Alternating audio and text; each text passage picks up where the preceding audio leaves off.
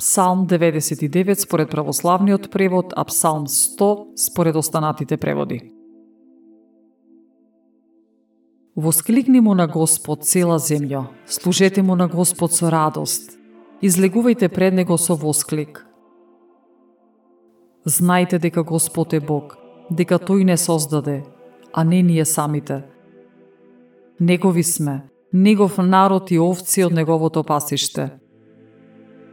Влегувајте низ Неговите порти со славословие, во Неговите дворови со песна.